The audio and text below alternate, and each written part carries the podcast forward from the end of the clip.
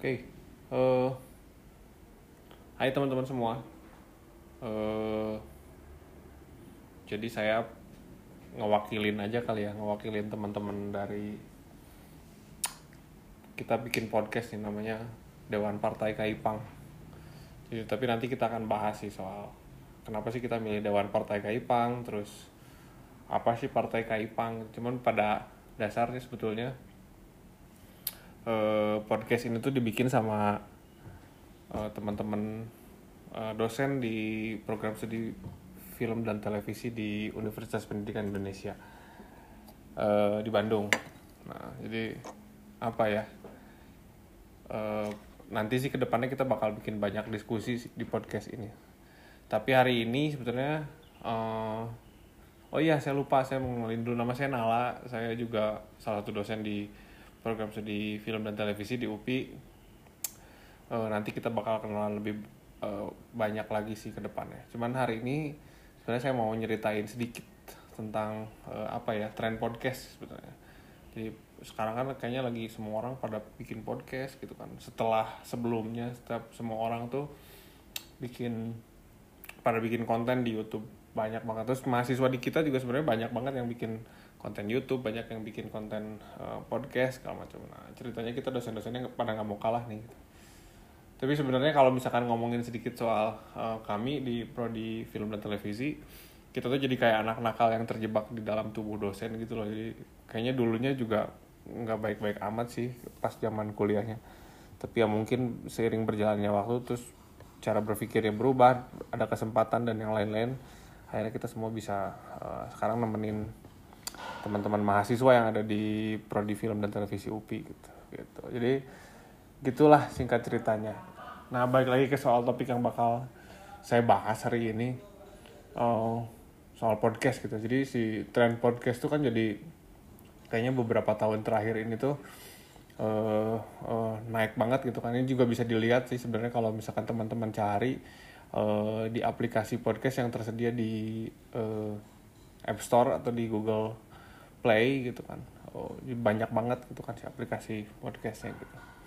Terus uh, si formatnya yang cuman audio only cuman cuman suara doang sebenarnya jadi alternatif uh, konten yang ideal setelah konten YouTube gitu. jadi kalau misalkan teman-teman perhatiin sebetulnya kalau YouTube tuh kan ada ada videonya ya jadi bisa bisa di, dilihat si visualnya gitu kan. Tapi kalau misalkan kita sekarang lagi ngerjain hal lain gitu kan atau misalkan sekarang semua orang itu dituntut buat uh, bisa multitasking buat buat uh, ngerjain misalkan dua tiga hal secara bersamaan gitu. Termasuk salah satunya dalam mendengarkan podcast. Sebenarnya si format podcast ini tuh ideal banget kalau didengerin sambil uh, yang lagi masak gitu kan atau sambil sambil nyetir sih yang kerasa banget sama saya. Jadi kalau misalkan saya lagi nyetir terus saya sambil ngedengerin uh, podcast beberapa temen tuh kayaknya serasa ada yang nemenin gitu. Apalagi kalau kita nyetirnya sendirian ya gitu.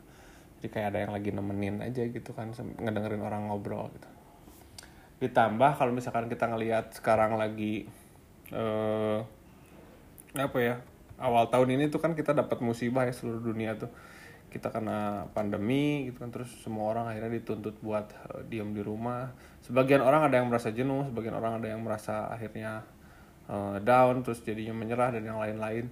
Uh, tapi kalau saya sih ngelihatnya sebagian orang juga ada yang malah jadi kreatif gitu kan. Termasuk salah satunya uh, kalau saya lihat sih dalam beberapa bulan ini banyak yang tiba-tiba orang bikin podcast gitu kan berlomba-lomba menceritakan banyak hal uh, ngomongin banyak hal gitu atau berbagi banyak hal sih terutama Nah, jadi kurang lebih sih gitu sih ya kalau pandangan saya sebenarnya tentang tentang tren podcast sekarang tuh gitu.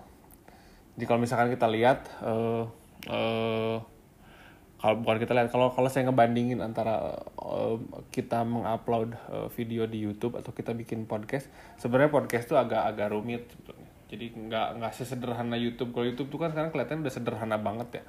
Jadi hanya cuman pakai smartphone misalkan terus kita uh, ngambil gambar bisa uh, langsung pada saat itu juga kita bisa langsung upload ke ke YouTube gitu kan kalau video kalau kita ngomongin konteks video terus kalau uh, mau live juga kan si YouTube juga udah ada fitur uh, live-nya gitu kan sehingga kita juga bisa langsung live di mana aja. Nah, kalau podcast emang agak rumit sih sebetulnya gitu kan. Yang dibuat sederhana sebenarnya bisa gitu kan. Jadi kalau saya cerita sedikit uh, hari ini saya menggunakan aplikasi Anchor sebenarnya. Saya pakai aplikasi Anchor, salah satu aplikasi yang menurut saya banyak direkomendasiin buat teman-teman yang mau mulai bikin uh, podcast gitu. Jadi aplikasinya mudah banget gitu kan pakai smartphone terus uh, kita bisa langsung uh, ngerekam suara kita di situ.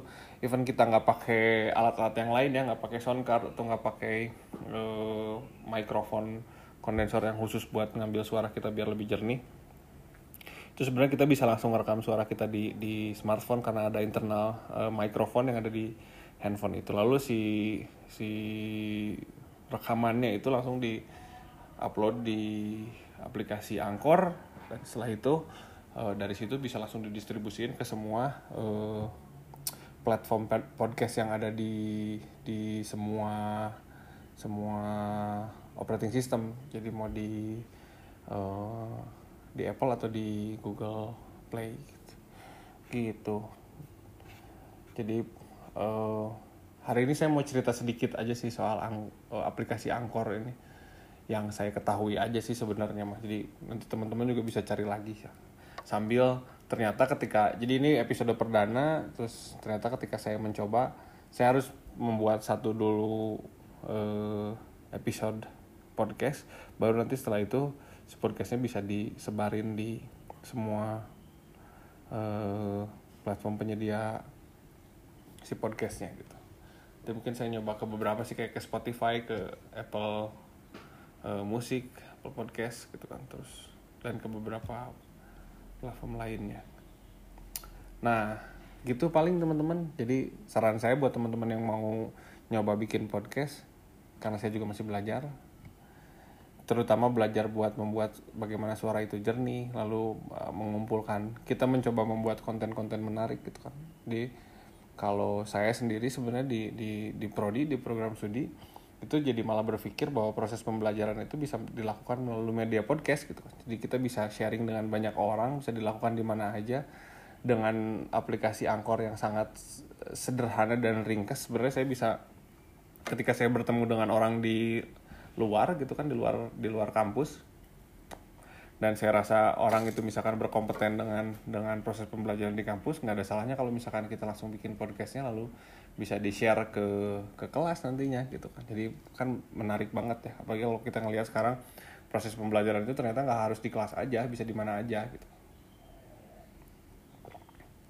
Bisa di di luar kelas gitu kan. Bahkan sekarang ya apalagi kalau kita ngelihat di eh, akhir-akhir ini kan kita juga lagi krisis uh, media pembelajaran ya. Maksudnya oh, oh, uh, teman-teman dosen teman-teman guru di luar sana juga sedang berupaya memutar uh, otak mereka memutar kepala mereka mencari bagaimana cara membuat media pembelajaran yang yang efektif di di masa pandemi ini. Gitu paling uh, teman-teman sekian dulu dari saya. Ini cuma introduction doang. Nanti di episode selanjutnya saya mau ngajak teman-teman berkenalan dengan geng Partai Kaipang yang ada di prodi film dan televisi UPI lalu kita akan ngobrol banyak soal kenapa sih namanya Partai Kaipang karena uh, ternyata setelah setelah saya telusuri itu ada apa ya mengandung banyak uh, apa arti yang yang bisa kita cari korelasinya sama cara kita menjalani atau menghadapi masalah di di saat ini gitu. Terus nanti kita juga mau ngobrolin banyak hal soal akademik. Jangan berpikir bahwa ini akan jadi podcast yang membosankan karena kita akan coba buat mengemasnya jadi lebih menarik karena uh, menurut menurut saya atau saya mewakili teman-teman di sini juga sebetulnya banyak hal yang bisa kita uh, ambil sih kalau misalkan kita ngomongin uh, konteks akademik gitu kan. Jadi kita buat supaya belajar ini jadi lebih menyenangkan gitu nggak nggak cuman nggak cuman jadi apa yang masuk telinga kanan keluar telinga kiri gitu. Aja paling ya. Uh, kalau gitu sampai ketemu di episode selanjutnya. Tolong di apa ya di follow aja mungkin nanti kalau misalnya ini udah mulai uh, di share di beberapa platform. Sekali lagi terima kasih banyak. Uh, sampai ketemu di episode selanjutnya